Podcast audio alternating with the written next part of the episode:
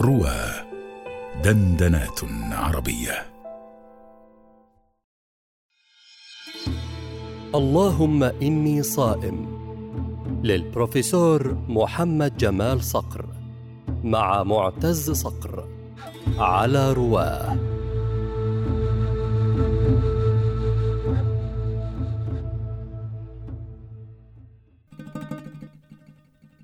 لكل شيء معدن.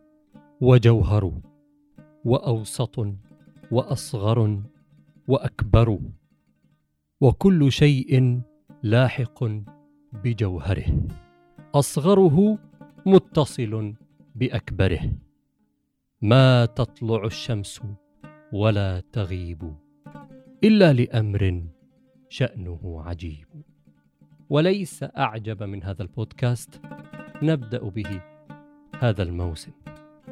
هذا الموسم هو عرس رواه السنوي وهو موسم كما ترون مختلف كل الاختلاف.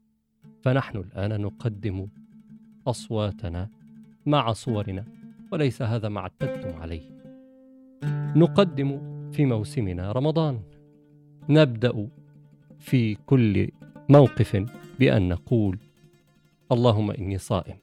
وبالطبع ليس كل موقف ولكنه كل موقف يضطرب فيه الإنسان لأنه مثلا وجد أنه على شفا عصبية على شفا غضب فيقول اللهم إني صائم فهي عبارة في التراث الإسلامي من قول رسول الله محمد صلى الله عليه وسلم أوصى الناس بأن يصدروها يقولوها إذا ما أحسوا بالغضب في وقت الصيام.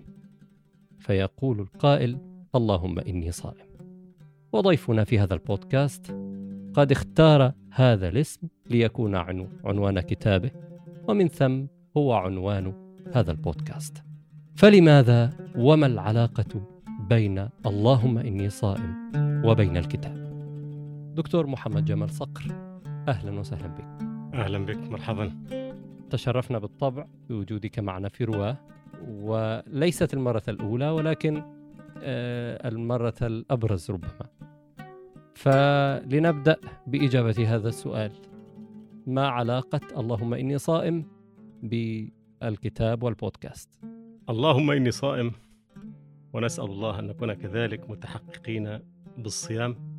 عبارة شبيهة بماء الوضوء الذي ينزل على أطراف المتوضئ ليسكن من فورة غضبه إذا غضب أو من شروده إذا شرد. حاولت أن أستحضرها في موقف رأيته مشابها لتلك الحال. هذا الموقف موقف حيران لا يدري كيف يتكلم. إزاء اوضاع لا يملك أن يفيض فيها فمن ثم يلجأ إلى الإيجاز. فتعرضت لكل هذه الأوضاع التي عرضت لي في خلال مسيرة محددة أختار منها ما آه، يستفز عجبي آه، وأعلق عليه بادئا بعجبا لكذا. كل هذه الأحوال التي علقت عليها إما أنها شيء حسن لا يجد من يستحسنه أو قبيح لا يجد من يستقبحه. فأردت أن أستحسن للناس وأستقبح في إطار التعجب الذي يشمله شعار اللهم إني صائم. أتعجب لهذه الأشياء آه، ولا أكتفي بالتعجب. أنبه على موطن العجب فيها وأعلق على هذا برأيي في آه، حل هذه المشكلة التي تثير العجب.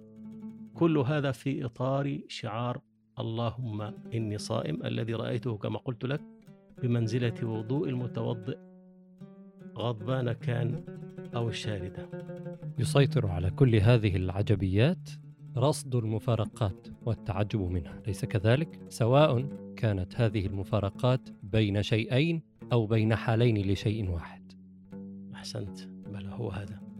هو هذا. ولم أشأ أن أترك الناس يتعجبون وكأنني آه، ممثل تهريج آه، أقضي معهم وقتا ممتعا ألهيهم عن أحوالهم. بل تعمدت ألا أترك كل مقام من هذه المقامات المئة في هذا الكتاب حتى أبين وجه الرأي في حل المشكلة أو في تغيير المسلك أو ما إلى هذا.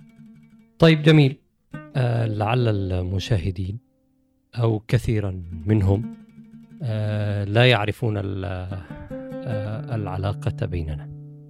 لكن آه لأبدأ بتوضيح هذا بالعجبية الأولى من آه من الكتاب ومن ثم من البودكاست.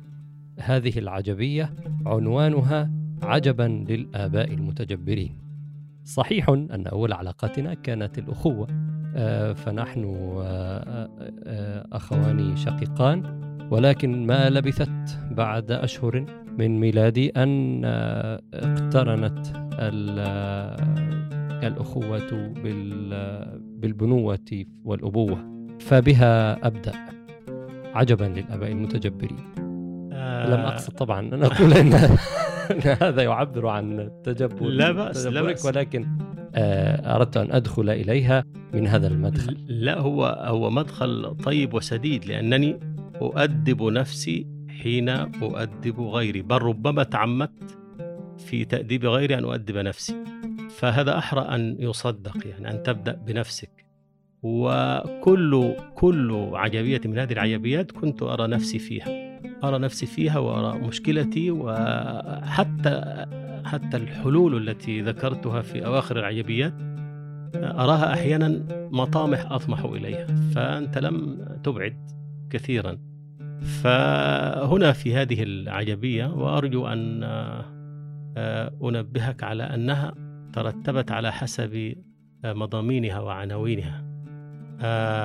عجبا للآباء المتجبرين الذين يقهرون أبناءهم هذا هو مضمون هذه العجبية. يعني هل اضطركم إلى الإنجاب أحد؟ لا لم يضطرهم طيب هل ركنتم واطمأننتم إلى بقاء الأبناء بعدكم؟ لا لم يطمئنوا. فربما ما يعني ظهرت العجائب في خلال هذه الحياة وهذه العلاقة. ف كيف يركنون إلى التجبر؟ ألا يخافون زوال الأبوة بزوال البنوة؟ فكلمة أب هذه لا تجوز إلا لمن له أبناء. فبزوال البنوة تزول الأبوة. فينبغي لمن يرى نفسه ابا هكذا متمكنا متملئا بمعنى الأبوة أن يحرص على بقاء البنوة كذلك والا يفرط في أبنائه بهذا التجبر. هذه الفكرة. جميل.